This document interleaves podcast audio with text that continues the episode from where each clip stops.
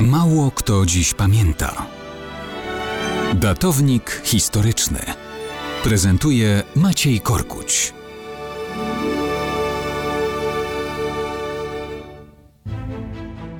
Mało kto dziś pamięta, że wczoraj minęła rocznica 19 września 1863 roku. Wtedy to, jak pisał Cyprian Kamil Norwid, jękły głuche kamienie. Ideał sięgnął bruku.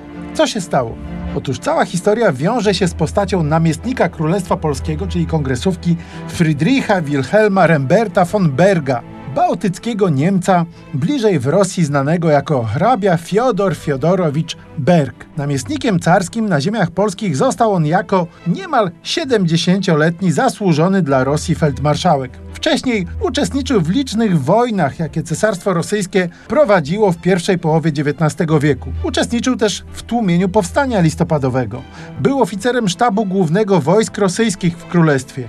Potem dowodził garnizonami rosyjskimi w Estonii, był generał-gubernatorem Finlandii. Jako główny przedstawiciel cara do królestwa powrócił na początku września 1863.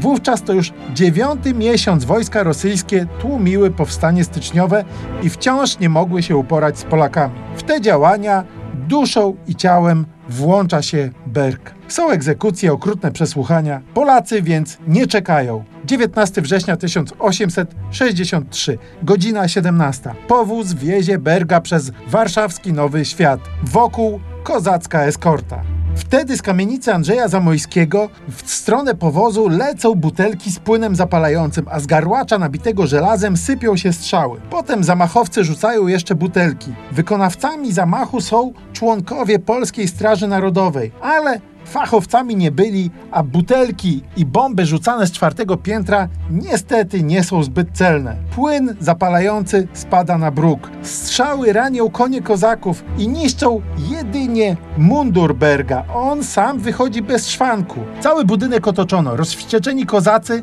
mają zgodę na to, żeby wpadać do mieszkań, niszczyć w bezkarnym szale wszystko, co mogą. Wyrzucają więc meble, dobytek przez okna. I tak wpadają do mieszkania innymi starszej siostry Fryderyka Chopina.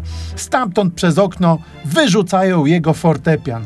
Ideał roztrzaskał się o bruk. Jęknęły głuche kamienie.